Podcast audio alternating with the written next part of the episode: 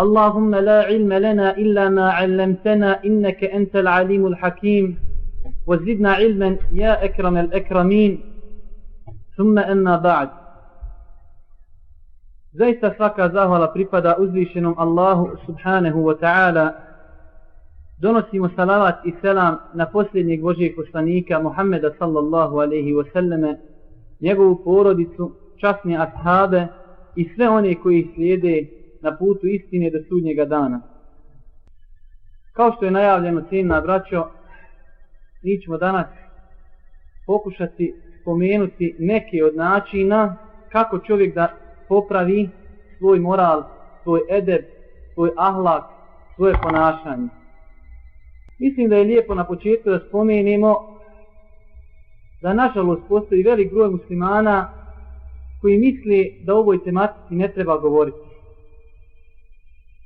Zato smo mi imali prošli, prošlo predavanje koji se zvalo Ahlak velikana i to je trebalo da isprovocira nas i naše stanje, da vidimo koliko smo daleko od onoga na čemu je bio Boži poslanik sallallahu alihi wasallame, njegovi ashabi prve generacije. Zato ćemo mi uz Allahovu pomoć noćas spomenuti, ako uspijemo, oko 25 načina kako čovjek da popravi svoj ahlak. Sljedeće predavanje također u petak bi trebalo da bude na istu tematiku, a nakon toga, kao što smo obećali, održat ćemo predavanje jedno ili dvoje, poslanik, najbolji učitelj. Na samom početku, prije nego što počnemo govoriti o načinima liječenja ahlaka, treba spomenuti jednu stvar, a to je, braćo moja draga, da mi živimo u vremenu kada su muslimani i te kako zapustili svoj ahlak, zapustili edeb, ostavili lijepo ponašanje. Nažalost, mnogo je razloga za to i ovo nije vrijeme da ih spominjemo. Samo kažemo, želimo da ukažemo na to da i te kako muslimani trebaju da se posvijete ovakvim tematikama. Koliko je ljudi koji su se odaljili od islama zbog nečijeg lošijeg ahlaka i zbog nečijeg ponašanja. Pa na samom početku da kažemo još jednu stvar, a to je treba da znamo, braćo moja draga, kada je u pitanju ahlak i mijenjanje osobina na koje je čovjek naviko, da to nije laka stvar. Zato ćemo mi ponuditi oko 50 načina kako čovjek može da popravi sebe i svoj ahlak. Znači ako čovjek ne bude spreman da praktikuje svaku ovu metodu, dovoljno inšala da uzme par njih i da pokuša da se popravi. Ali osnova je da čovjek osjeća da je njegov ahlak slab. A sigurno mi svi da kažemo imamo slabosti. Neko manje, neko više. Ali je bitno da čovjek gleda na ovu tematiku s aspekta da smo svi potrebni liječenja kada je u pitanju ahlak. I kao što smo rekli, treba da znamo da to nije lako. Jer, na primjer, čovjek odraste i živi 30 ili 40 godina sa nekom od svojih osobina i želi to da promijeni. Sigurno to nije lako. Iziskuje mnogo truda, mnogo discipline, mnogo sabura, mnogo čvrstine, ali treba da znamo da nije nemoguće svaka osobina koja je ružna može se ostaviti. Samo se vraća koliko smo mi spremni da uložimo truda po tom pitanju. Prva stvar, braću moja draga, možda i najbitnija, ali znači ovo predavanje nije poredano po prioritetima. Ali možda ovo je jedna od najbitnijih stvari koja pomaže ljudima u popravljanju ahlaka ili suprotno tome da kažemo razlog proširenosti slabog ahlaka kod muslimana jeste njihova udaljenost od ispravne akide, vjerovanja u Allaha subhanahu wa ta'ala. To je možda jedan od najvećih razloga. Jer kako zamisliti čovjeka da ima loš ahlak, da je čovjek spreman da uvrijedi muslimana, da slaži, da psuje, a da taj čovjek u istom momentu se boji Allaha subhanahu wa ta'ala. Prvi znači razlog, ako želimo da popravimo svoj ahlak, treba da popravimo našu vezu između nas i Allaha subhanahu wa ta'ala. Također treba da znamo da ljudi najpotpunijeg imana su najboljeg ahlaka. Zato treba čovjek da radi na tom polju da što više popravi stanje imansko, znači njegovu vezu između njega i Allaha subhanahu wa ta'ala. Jer, braću moja draga, ispravna akida je sigurno nešto što usađuje kod čovjeka mnoga plemenita svojstva kao što je iskrenost, darežljivost, ljubaznost, milost, blagost i mnoga druga svojstva. A ispravna akida ujedno, znači od njezini, da kažemo, plodova je da ona popravlja ahlak čovjeka, a s druge strane odaljava čovjeka od lošeg ahlaka. Također moramo napomenuti da ove načine naše koje mi sada nudimo, neke ćemo spomenuti kraće, neke duže shodno njihovoj bitnosti. Drugi od načina, braćo moja draga, jeste dova. Dova je jedan i tekako jak način u liječenju ahlaka, popravljanju svoga edeba i svoga ponašanja. Kao što znate, mi smo održali jedno predavanje posebno o značaju dove u životu čovjeka i lijepo bi bilo da oni koji nisu pristovali da to poslušaju. Naveli smo tu vrijednosti dove, vremena kada se prima dova, naveli smo ponašanja prilikom dove i mnogo toga. Zato oni ljudi kojima Allah subhanahu wa ta'ala otvori srca prema dovi, treba da očekuju, inša Allah, neprestani hajr i neprestani bereket u svome životu. Zato oni ljudi koji hoće dobar ahlak, koji hoće da budu prepoznatljivi po tim svojstvom da su lijepog karaktera, da su daleko od ružnih stvari, trebaju da podignu svoje ruke uzvišenom Allahu subhanahu wa ta'ala i da zatraži od njega da ih on uputi na pravi ahlak. Da li ste ikad razmišljali o jednoj stvari koja je itekako bitna i ima veliku važnost u životu svakog muslimana, a dosta puta muslimani zaboravljaju to. A to su sljedeće stvari. Allah subhanahu wa ta'ala kada opisuje Božijeg poslanika, kako ga opisuje? Koga opisuje i koga opisuje? Allah subhanahu wa ta'ala opisuje Božijeg poslanika pa kaže Inneke la'ala ala azim zaista si ti na visokom moralu, na visokom stepenu morala, edeba, ahlaka, ponašanja. I takva osoba, poslanik, kojeg je opisao Allah subhanahu wa ta'ala, stvoritelj zemlje i nebesa, mnogo je se trudila na tom polju. Božji poslanik, u više hadisa je došlo da je Boži poslanik sallallahu alaihi wa sallame molio Allaha da popravi njegov ahlak sve se braćo malo popravite, nek i ovaj brat nam sjedni. Prenosi se u vjerodostojnim hadisima da je Boži poslanik sallallahu alaihi wasallame dovio sljedeću dovu. I bilo bi dobro da je svi zapamtimo, jer kao što smo rekli, ako je Boži poslanik dovio da Allah subhanahu wa ta'ala popravi njegov edep i ahlak, a Allah ga opisuje da je na visokom stepenu morala, pa šta smo mi naspram Božijeg poslanika. Prenosi se da je Božiji poslanik sallallahu alaihi wasallam učio sljedeću domu Allahumma ihdini li ahsani l-akhlaq la jehdi li ahsaniha illa ent wasrif anni seji'aha la jasrifu anni seji'aha illa ent Hadis koji je zabilježio ima muslim u čiju vjerodostojnost nema ni trun sumnje kaže da je Boži poslanik dovio sljedeću dovu, o gospodaru uputi me na najlepši ahlak. Zaista, niko ne upućuje napravi, pu, napravi ahlak osim ti. I šta? Je zaustavio se tu? Nije. Nije, braćo moja draga, samo pojenta. I šta dalje? Kaže, i sačuvaj me od lošeg ahlaka, jer niko ne čuva od lošeg ahlaka i lošeg morala, kao što to čuvaš ti. Također u drugom hadisu, Boži poslanik je govorio, Allahumme džennibni munkeratil ahlak, o gospodaru, zaštiti me i sačuvaj me od lošeg ahlaka. Također, u sljedećoj dovi Boži poslanik bi govorio Allahumma inni a'udhu بك min al-ajzi, wal-keseli, wal-džubni, wal-harami, wal-buhli, wa a'udhu محيا min حديث al-qabri, wa min wal-memat. Hadis Buharija i Muslim, da je Božji poslanik sallallahu alaihi wa sallame učio sljedeću dobu.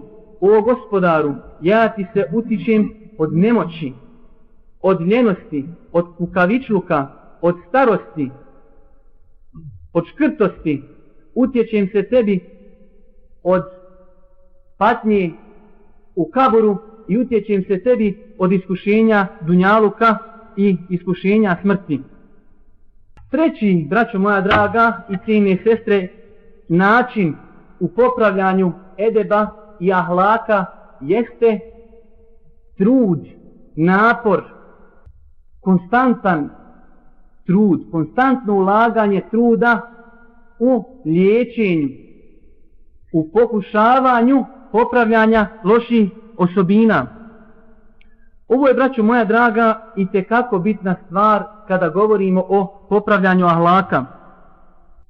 Kaže Allah subhanahu wa ta'ala u kuranskom ajetu وَالَّذِينَ جَاهَدُوا فِينَا لَنَهْدِيَنَّهُمْ سُبُلَنَا وَإِنَّ اللَّهَ لَمَعَ الْمُحْسِنِينَ One koji se budu zbog nas borili, mi ćemo sigurno putevima koji nama vode uputiti, a Allah je zaista na strani onih koji dobra djela čini. Zato oni ljudi koji se budu borili, ulagali trud, napor u tom smjeru, na tom putu da se okite lijepim svojstvima i ostavi loša, sigurno će zaraditi, inša Allah, mnogo hajra. Treba napomenuti ovdje također jednu stvar, a to je da ahlak, braćo moja draga, možemo podijeliti na dvije vrste. Ahlak koji je urođeno svojstvo kod nekog čovjeka i ahlak koji čovjek može postići treningom. Ali, kao što smo rekli na samom početku, ako čovjek želi da promijeni nešto od svog ahlaka, nešto što je radio dugi niz godina, treba sigurno da ulaži, uloži tu mnogo vremena, mnogo truda, mnogo discipline, da sam sebi napravi dobre programe, kao što ćemo spomenuti u jednoj od naših sljedećih tačaka. Nije dovoljno, braćo moja draga, kada čovjek hoće da ostavi neku ružnu osobinu, da pokuša jednom, da pokuša dva put i da to ostavi. Čovjek mora da bude uporan. I treba da znamo da ta upornost, ta borba, to je ibadet. A znamo kada, kada čovjek prestaje raditi ibadet. Koja je zadnja granica kada čovjek prestaje raditi ibadet? Kada mu dođe melek smrti.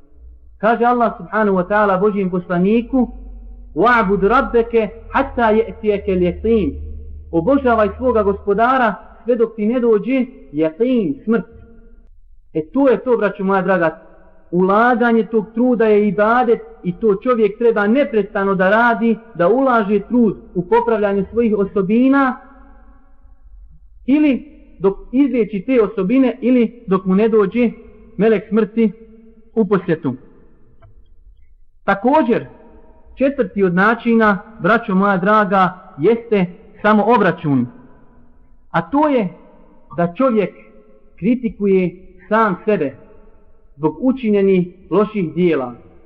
Da li mi imamo to pri sebi da čovjek kada uradi neko loše da kritikuje sam sebe i da postavi sebi neke kriterije ako ispoštuje nešto što je sebi zacrtao da sam sebi da nagradu u bilo kojem smislu da li odmor, da li nešto od dozvoljenih stvari ali također ako ne ispoštujemo ono što smo sebi zacrtali kada je u pitanju liječe i naših morala da sami sebe kaznimo normalno opet u granicama da ne bi to kažnjavanje proizvelo negativne rezultate kod nas.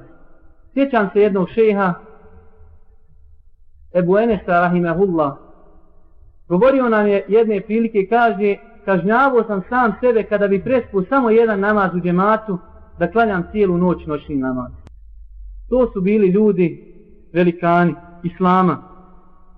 Molimo Allaha Đelešanu da ga primi ko šehida. Također, braćo moja draga, kada je u pitanju liječenja ahlaka, sljedeća metoda jeste razmišljanje o plodovima koji proizilazi iz lijepog ahlaka. Čovjek, ko što smo prošli put rekli, mi svi volimo da slušamo o ahlaku. Normalno, problem dolazi kada treba to praktično sprovoditi u praksu, ali to je jedan od načina da se čovjek popravlja, da razmišlja o plodovima lijepog ahlaka, da razmišlja o osobama koji imaju lijep ahlak, pa da vidi kako je on kod svih ljudi omiljen, pa da to bude potrijek čovjeku pa da kaže, hoću i ja da se popravim, da ostavim loše osobine, pa da i ja budem sutra kod svih ljudi omiljen, da ne budem, znači, negdje tamo na margini, da ljudi ne voli da me sretnu u putu, kao što će nam, inšala, i to doći u našem predavanju. I čovjeku će to sigurno davati morala.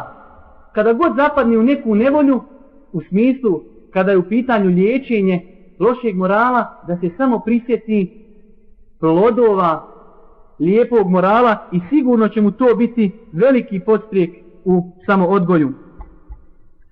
Također, od načina liječenja lošijeg ahlaka jeste suprotno ovome.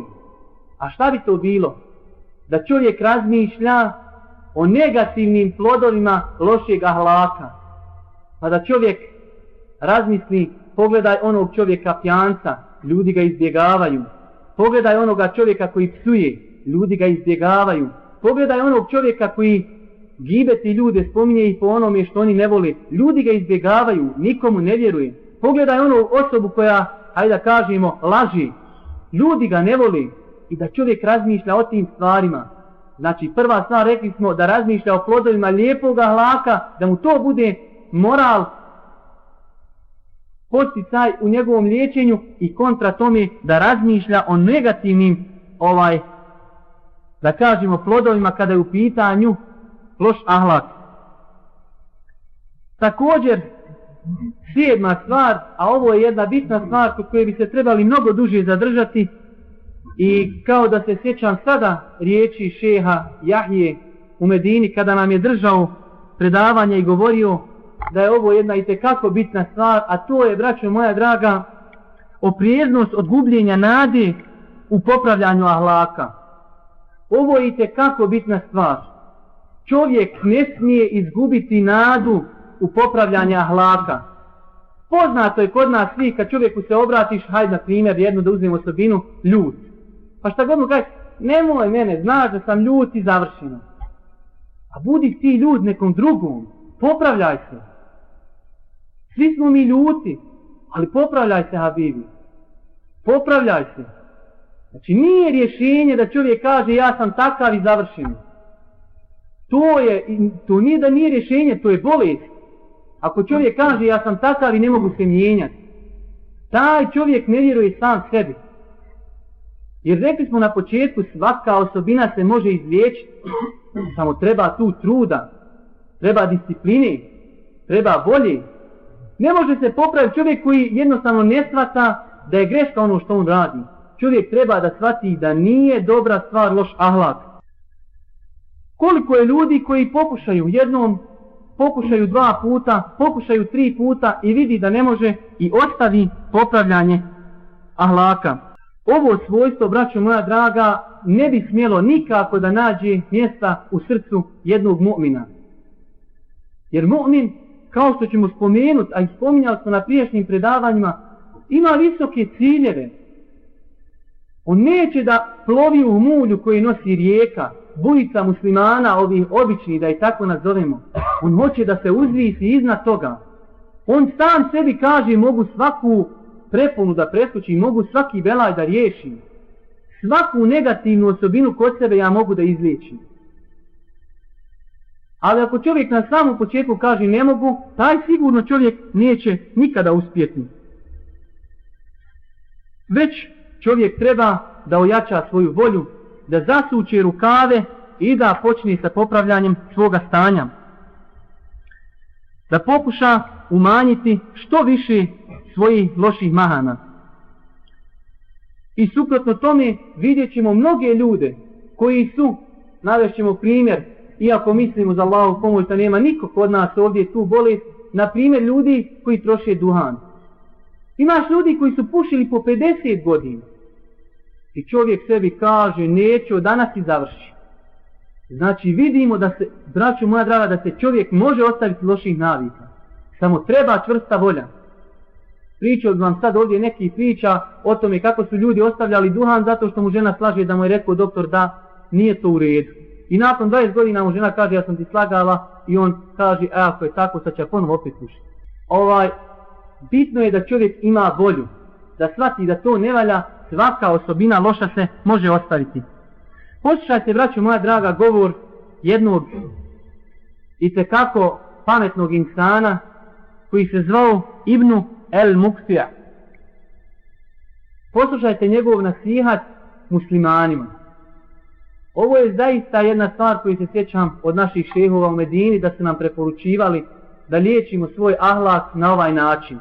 I to baš konkretno od šeha Jahije koji je poznat kao veliki pedagog i veliki odgajatelj i možda Allah najbolje zna da mu nema sličnog premca sada u toj disciplini. Kaže ovaj Ibnu El Muktija, pametan insan bi trebao da napravi spisak loših osobina. Kako u vjeri, tako u ahlaku. Da napravi spisak loših osobina, on sebi. Ne treba reći nekom da mi ti napravi, jer ti znaš sebe bolje nego drugi. Ti znaš sebe i u kući, a drugi te ne znaju kakav si u kući. Ti sebe znaš u ljutnji, drugi te ne znaju. Ti sebe, ti sebe znaš mnogo, mnogo stvari koji drugi ne znaju. Da čovjek tebi napiše jedan spisak loših svojih osobina.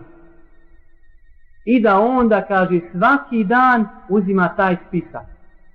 I da svaki dan sebi zadaje ciljeve šta će popravljati od toga hlasa, lošeg hlasa.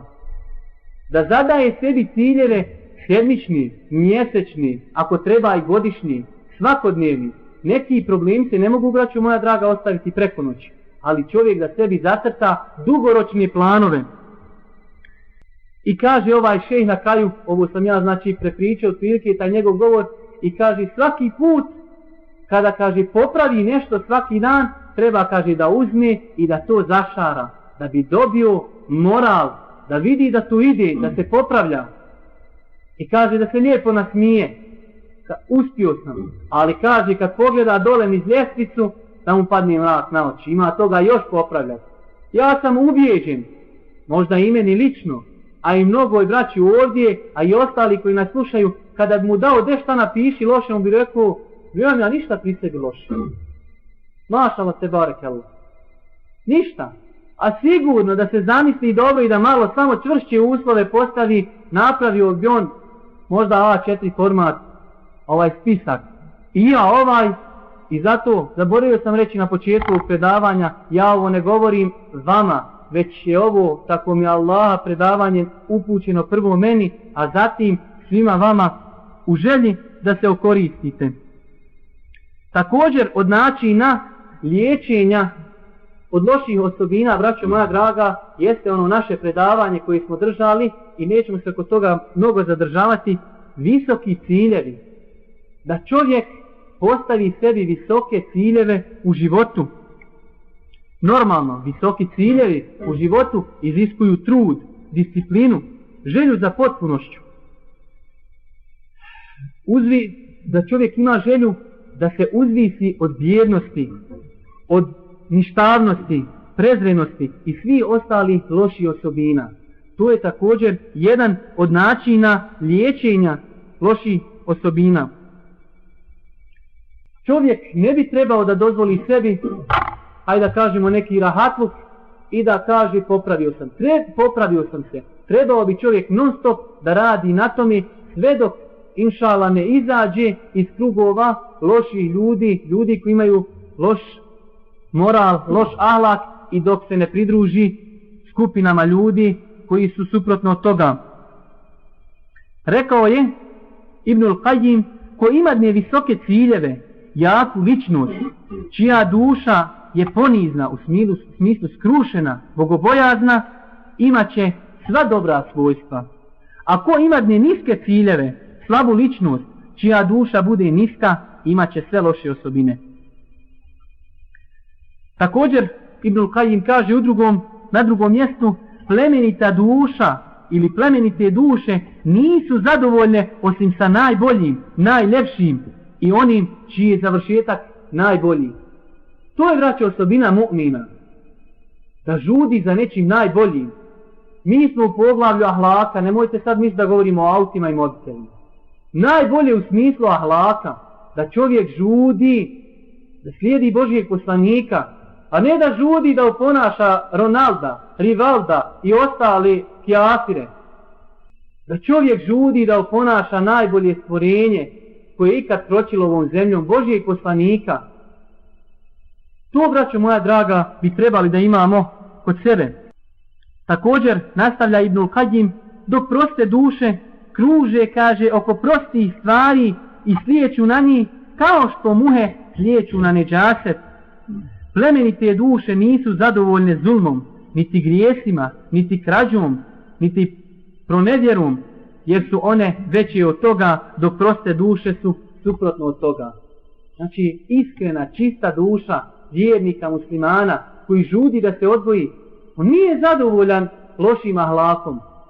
Kako svojim, tako i tuđim. Zato radi na tome da to popravi. Također, od svojstava, odnosno od načina na koje čovjek na kojima čovjek može popraviti svoje stanje kada je u pitanju ahlak jeste, braćo moja draga, pitanje sabura i strpljivosti.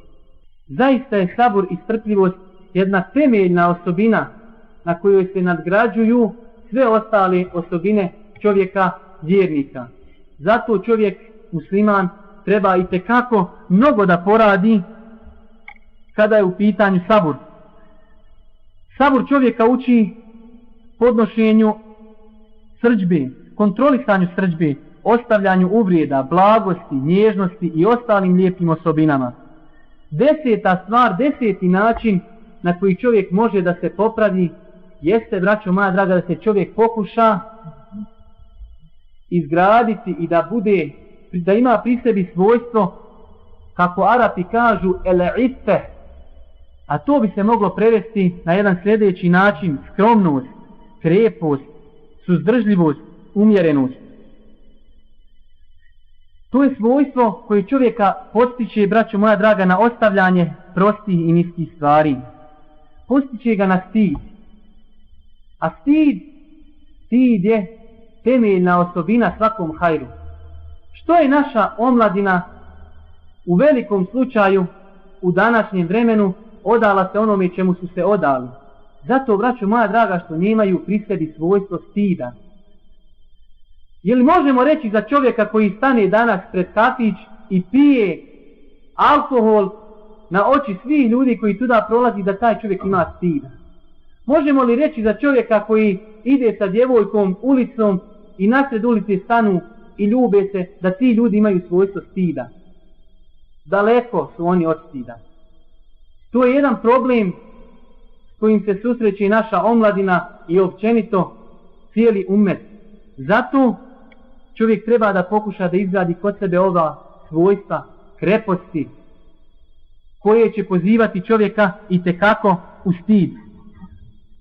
Također, od stvari koje pomažu čovjeku prilikom ostavljanja loših osobina, braćo moja draga, jeste pravednost. Možda će se neko upitati, pa kako pravednost i umjerenost da bude razlogom liječenja. Jednostavno, braćo moja draga, čovjek u svome životu treba da pokuša da bude između pretjeranosti i između omalovažavanja i podcjenjivanja u svemu, pa tako i u osobinama. Čovjek ako želi da izgradi kod sebe osobinu udjeljivanja, treba da pazi, jer ta, to udjeljivanje ima i pretjerivanje u djeljivanju, a ima i podcjenjivanje. A šta je to? Podcjenjivanje da čovjek bude škrt, a pretjerivanje da čovjek bude rasipnik. Zato čovjek treba da kada se izgrađuje, da se izgrađuje umjereno. Ovo ne znači nikako da budemo zadovoljni s našim stanjem, ali to ne znači također da čovjek treba pretjerivati u pojedinim osobinama, već da to sve bude, kao što smo rekli, u granicama umjerenosti. Pa na primjer, kada u pitanju oprost, čovjek treba da gleda granicu sredine, da to bude između poniženja i između oholosti. Kada u pitanju hrabrost, da to bude između čega? Između kukavičluka i brzopletosti.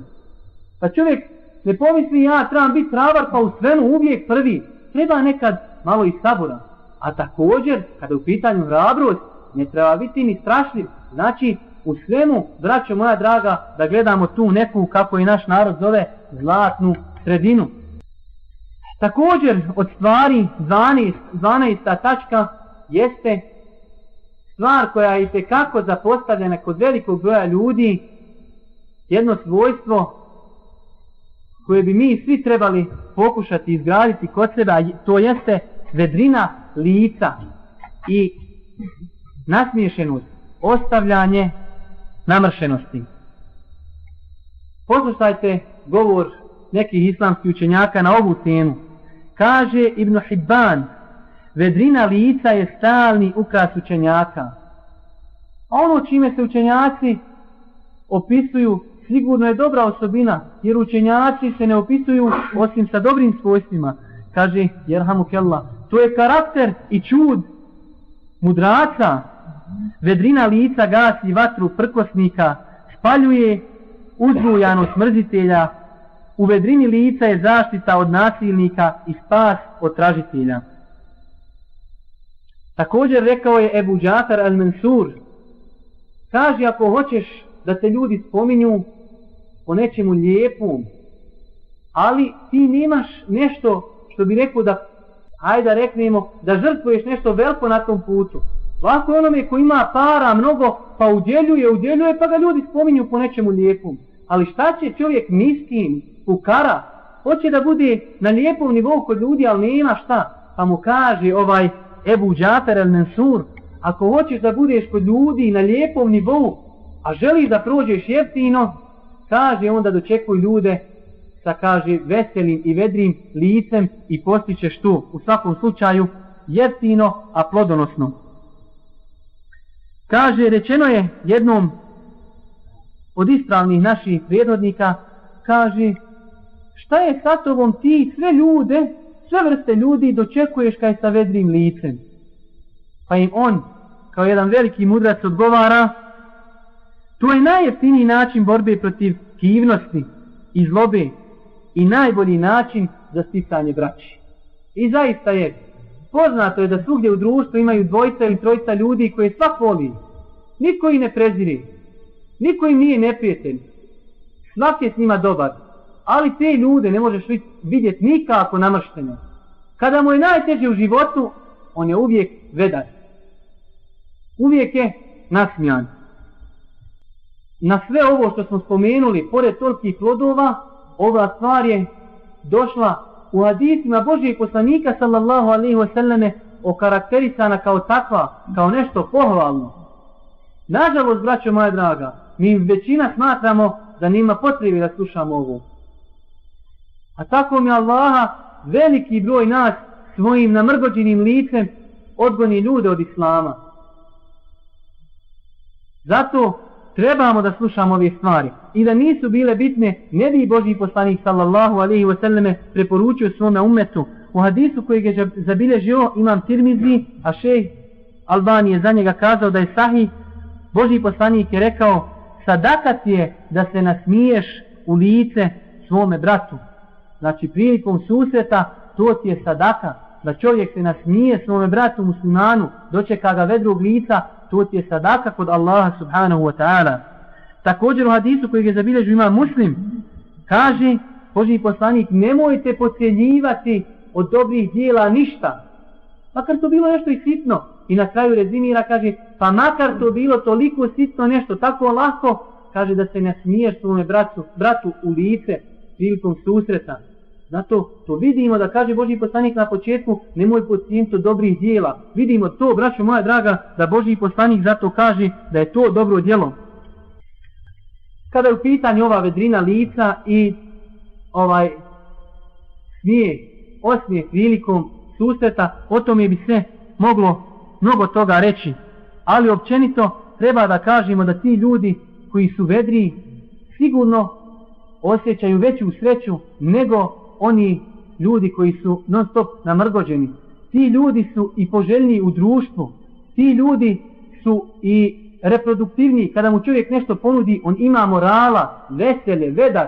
Dok onaj čovjek koji je namrgođen, šta god da mu ponudiš, on to prvo preuveliča. Druga stvar, nisam ja za toga i na kraju krajeva ostavi to. Zato, ako je nekom Allah subhanahu wa ta'ala dao da je kod njega urođeno to svojstvo da je vedrog lica, treba da poradi na tome da održi to svojstvo kod sebe. A ako već nije, onda treba poraditi mnogo na tome da se okiti tim svojstvom. Do te mjere da ljudi, braćo moja draga, počnu žudjeti da se sreću s nama zbog vedrine naših lica, a ne kao što, je, kao što smo spomenuli suprotno od toga. Ljudi možda moli Boga da se nesretni, nesretnu sa nekim od nas u put. Nažalost, trebamo pokušati da izgradimo sebe i svoju ličnost, vedrinu lica do te mjeri da ljudi priželjkuju susret s nama, da priželjkuju razgovor sa nama, kako bi se oni napojili malo naše te vedrini. Od stvari koji pomažu u tome jeste iskreno okretanje Allahu subhanahu wa ta'ala, čistoća srca. Jer ako čovjek ima čisto srce, to se mora odrasti na njegovom licu. Iskrenost namjera. Ako čovjek ima iskrene namjere, to se vidi na njegovom licu. Suprotno tome je, znači, negativno. Sljedeća stvar jeste neobaziranje i neosvrtanje. Ovo je stvar koju normalno treba pojasniti kako ne bi bila pogrešno svačena, ali najbolje će biti po mom mišljenju svačena kada je prokomentarišemo kroz primjere, ali treba da kažemo da je to sigurno velik, osobina velikana, osobina učenjaka i ta osobina pomaže ljudima da održe dobre odnose sa ostalim i da zaboravi učinjene loše stvari kada su u pitanju prava nekog od ljudi. Kaže Ibnu Esir, jedan veliki islamski učenjak, kada govori o kome? o Salahudinu el Ejubi, a to je poznato ko je taj čovjek bio, to je bio vojskovođa vojske koja je oslobodila kuć. Kaže on o njemu, navodi o njemu neke lijepe osobine, kao njegova biografija, pa kaže bio je blag, bio je lijepoga hlaka, ponizan, strpljiv na onome što ne voli, mnogo je bio neosvrtljiv na grijehe njegovih prijatelja, čuo bi o nekom od njih nešto što ne bi volio i ne bi ga, kaže, o tome obavijestio, a ne bi se mijenjao naspram njega. I onda nastavlja ovaj Ibnu Esir, kaže, čuo sam jedne prilike da je Salahudin sjedio u društvu ljudi koji su se zvali Memalik, znači ljudi koji su tada imali vlast. I kaže, pa su se oni između se u društvu počeli, kaže, gađati kao nešto sandalama, papućama ili nekim dijelom od papuća. Pa kaže, pa je jedan čovjek pokušao da pogodi svoga prijatelja i promašio i kaže, ta je papuća spala pred Salahudina, pred vojskovođu muslimana, čovjeka koji je trebalo da reaguje. A kaže, to je ta njegova neobazljivost. Kaže, on je se okrenuo, kaže, svome sagovorniku i počeo razgovarati, pravjeći se da nije ništa primijetio. Tako čovjek nekad, braćo moja draga, treba neke stvari da proguta i da se napravi da nije ništa vidio i da nije ništa čuo kada su u pitanju uvrede. Upitan je jedan šejh koji je živio u, prošlim, u prošlom stoljeću ili znači u ovom našem stoljeću Muhammed El Emin napisao jedan poznati testir koji se zove Edvaul Bejan. I kaže taj čovjek je dosta puta znao biti zakinut za neka svoja prava pa kada bi ga ljudi upitali, citirao bi im sljedeći stih na arabskom, pa kaže Lejse l'gabiju bi sejidin fi qavmihi, lakinne sejide qavmihi je tegaba. Ko smo rekli prošli put, zaista su Arapi, imaju nešto što nema niko na svijetu kada je u pitanju poezija.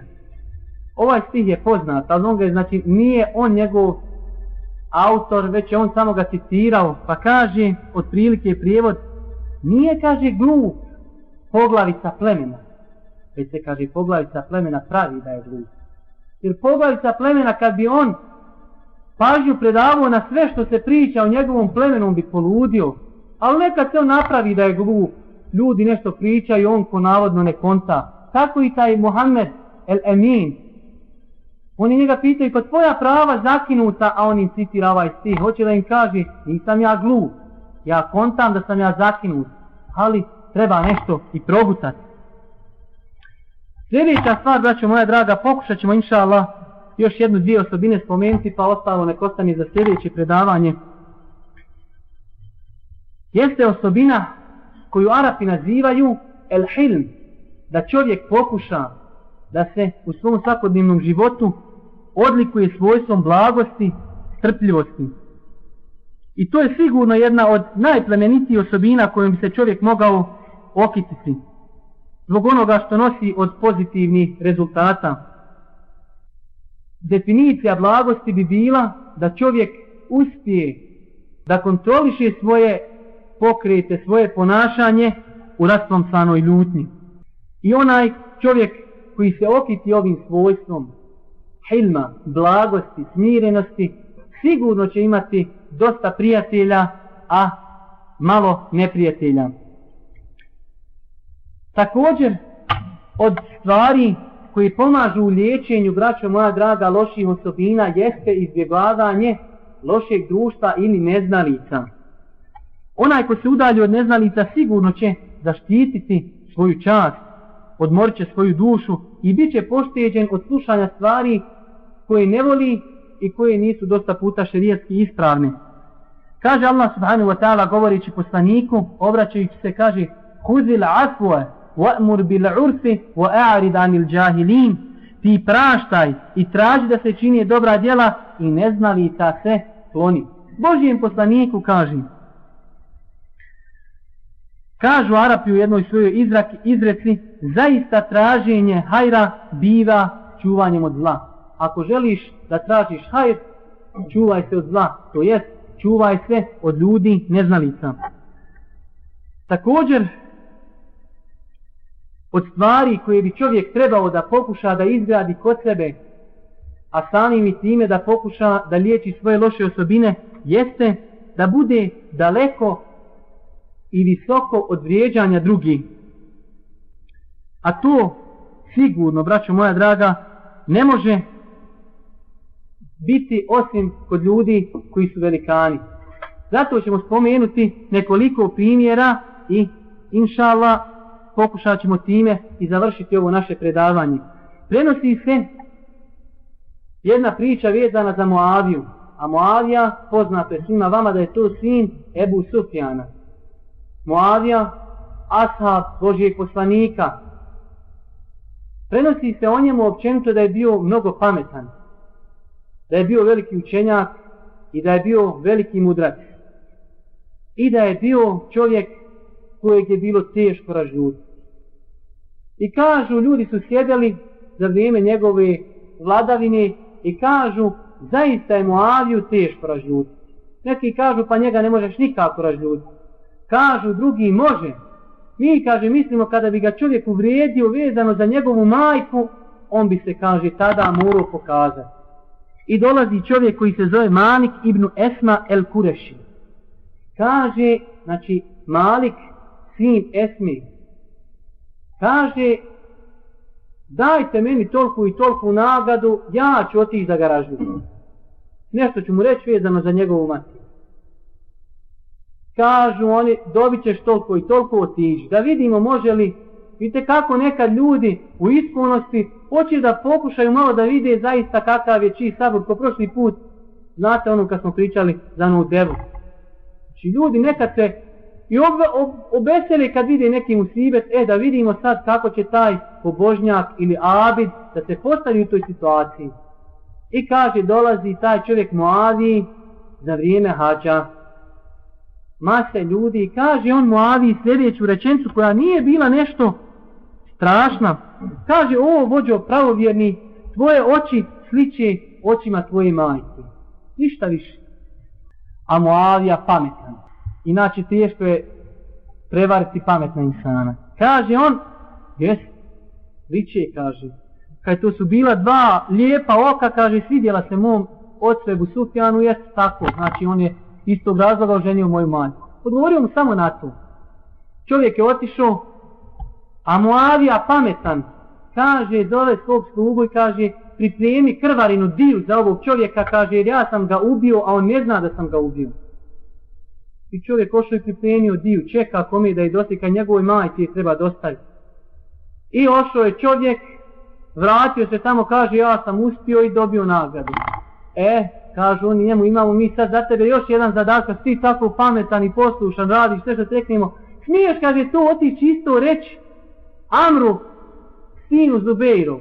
A inače poznato Zubeir i njegova familija da su to sve bili muđahedini. Kaže, smijem, samo mi dajte toliko nagradu, kaže, i ja ode. Kaže, dobit ćeš. Otišao on kod njega i tako mu kaže, kaže, naredio Amr da ga istuhaju, izlupaju, kaj što je bilo razlogom da je čovjek podlegao. Kad je Muavija čuo, e, kaže, sad pošaljite, kaže, bio, kaže, jer tako mi Allah, ja sam ga ubio, kaže, samo što on to nije znao.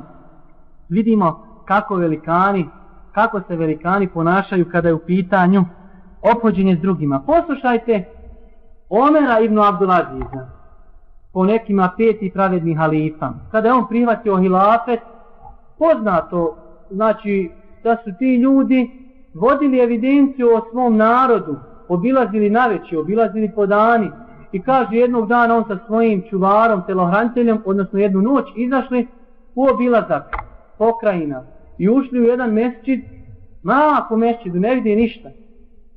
Kaže, oni hodali po mesčidu i stanu na čovjeka. Čovjek spavao i stanu na čovjeka.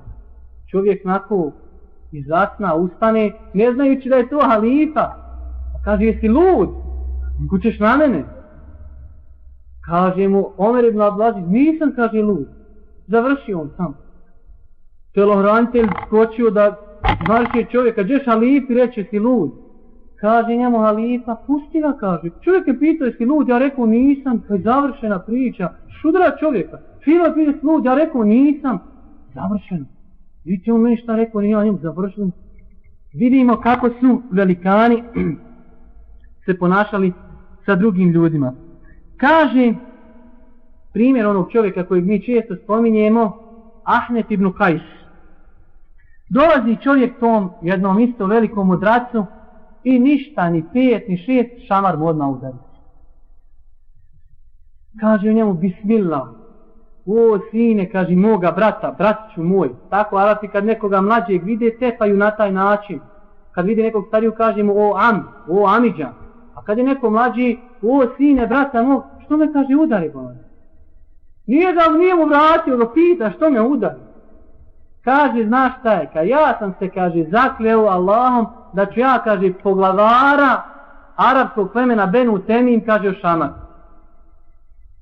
Pa kaže, što ne rekneš da je to tako, kaže, trebaš ti, kaže, ispuniti svoj zakljetu, pa kaže, ali nisam ja poglavar, poglavar je Harise ibn Kudame, on je poglavar, pogriješio se, idi njega udari, jel on je, i on poglavaru tamo i šamar dvizu poglavar sabu iskorica i ruku i osjeće mu ruku.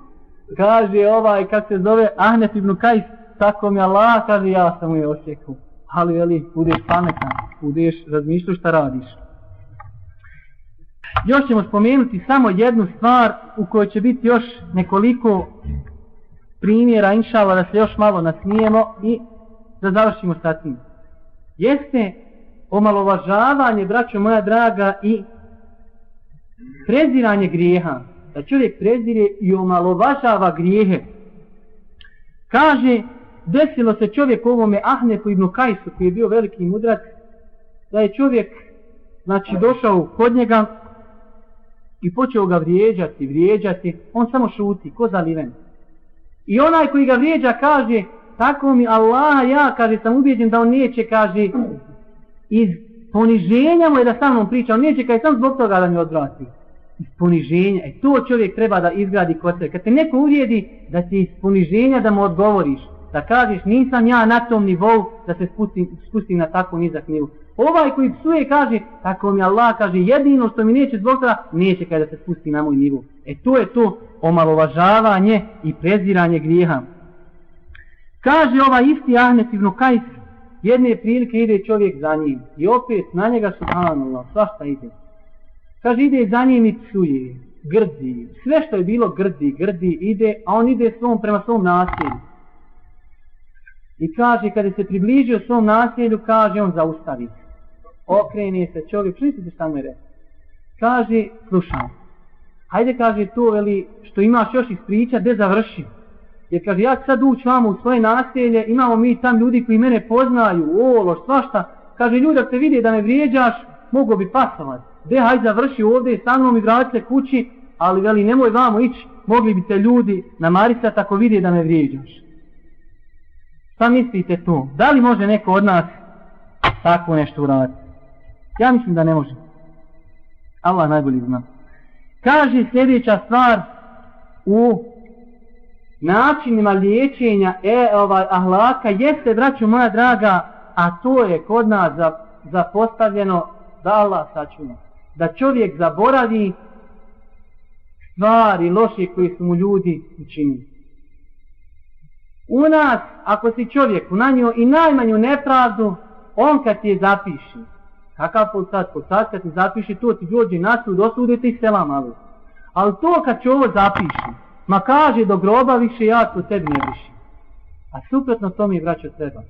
Čovjek treba da zaboravlja ono što su mu ljudi loše uradili. Jer to je način kako ti te ljude mogu zavoliti. Jer ne možeš ti zavoliti čovjeka, a uvijek ti tamo gori u grudima, oni su meni uradili to. Zato čovjek, velikan, koji želi visoke deređe, neće da bude u mulju, treba da zaboravi one loše stvari koji su mu ljudi uradili. I to će sigurno prouzrokovati, inša Allah, da kažemo da će taj čovjek moći zavoljati takve ljude kao braće muslimane. I zadnja, nek bude zadnja stvar, jeste oprost i halal i uzvraćanje dobrim na zlo. Ovo je slično i ovo mi gore. Da čovjek, braće moja draga, dođi na takav nivo, ovo gore smo rekli da zaboravi, ali da dođi na takav nivo da ljudima na njihovo loše uzvraća sa dobrim stvarima. U tome je, braću moja draga, sigurno velika smirenost, veliki ugled, velika čast, koja se ne može sigurno nikako postići ako bi čovjek uzvratio čovjeku istom mjerom.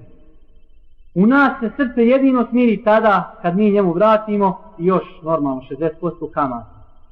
Ali kod velikana se smiruje srce kad uzvrati čovjeku boljim od toga. Kaže, rekao jedan, odnosno hadis Božijeg poslanika sallallahu alaihi wa sallam prije ove izreke, vidimo da Božiji poslanik nam daje smjernice po tom pitanju, ali nažalost mi ne čitamo, mi ne učimo, a i ono što znamo ne praktikujemo. Kaže Boži poslanik sallallahu alaihi wa sallame, Allah neće zbog oprosta, halala, povećati svome robu ništa više osim ponos. Allah Đelešanu ti obećaje ako ti halališ ljudima i oprostiš, da će ti on zbog toga povećati ponos kod tih ljudi. Ali mi dosta puta brkamo lončiće i kontamo da treba da se osvetimo. Rekao jedan od selijefa, čovjek neće biti plemen sve dok se ne okiti sa dva svojstva, sustezanjem od onoga što je u rukama ljudi i opraštanjem ljudima.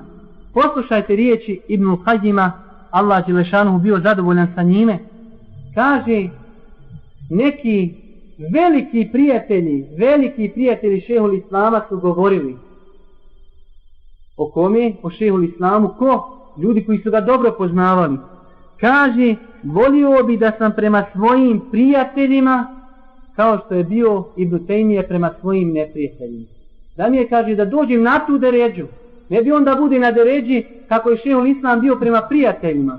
Da je meni kaže da ja budem prema svojim prijateljima ko što je šehol islam bio prema svojim neprijateljima. Zato, braćo moja draga, čovjek treba da pri, privikaje dušu, da halali i da oprosti. Da, da, da ljudima halali one počinjene greške. Rekao je Ibn Hibban, privikavaj dušu da oprašta svim stvorenjima i da ostavi uzvraćanje lošeg djela lošim, jer nema boljeg načina za smirenje i odgovor griješniku od dobročinstva. Nema, kaže, boljeg načina. Da čovjek koji je pogriješio prema tebi, da mu halališ. Nastavljam. I nema boljeg, normalno u zagradi, goreg načina za umnožavanje loših dijela i grijeha od uzvraćanja na istu. I na kraju samo da rezimiramo da nije, braćo moja draga, halalit nekome i poniziti se istu. Halaliti znači da halališ čovjeku, a ti si u mogućnosti da mu se osvetiš. Dok poniziti se nekome, to znači da mu halališ zato što ne možeš da mu vratiš ili eventualno što nisi hrabar da to učiniš. Molim Allah subhanahu wa ta'ala da ovo što smo čuli bude dokazom nama, a ne protiv nas na sudnjem danu. I molim ga subhanahu wa ta'ala da nas učini od iskrenih sredbenika Božijeg poslanika sallallahu alaihi wa sallam. I na kraju, subhanaka Allahumma wa bihamdika ashhadu an la ilaha illa anta astaghfiruka wa atubu ilayk.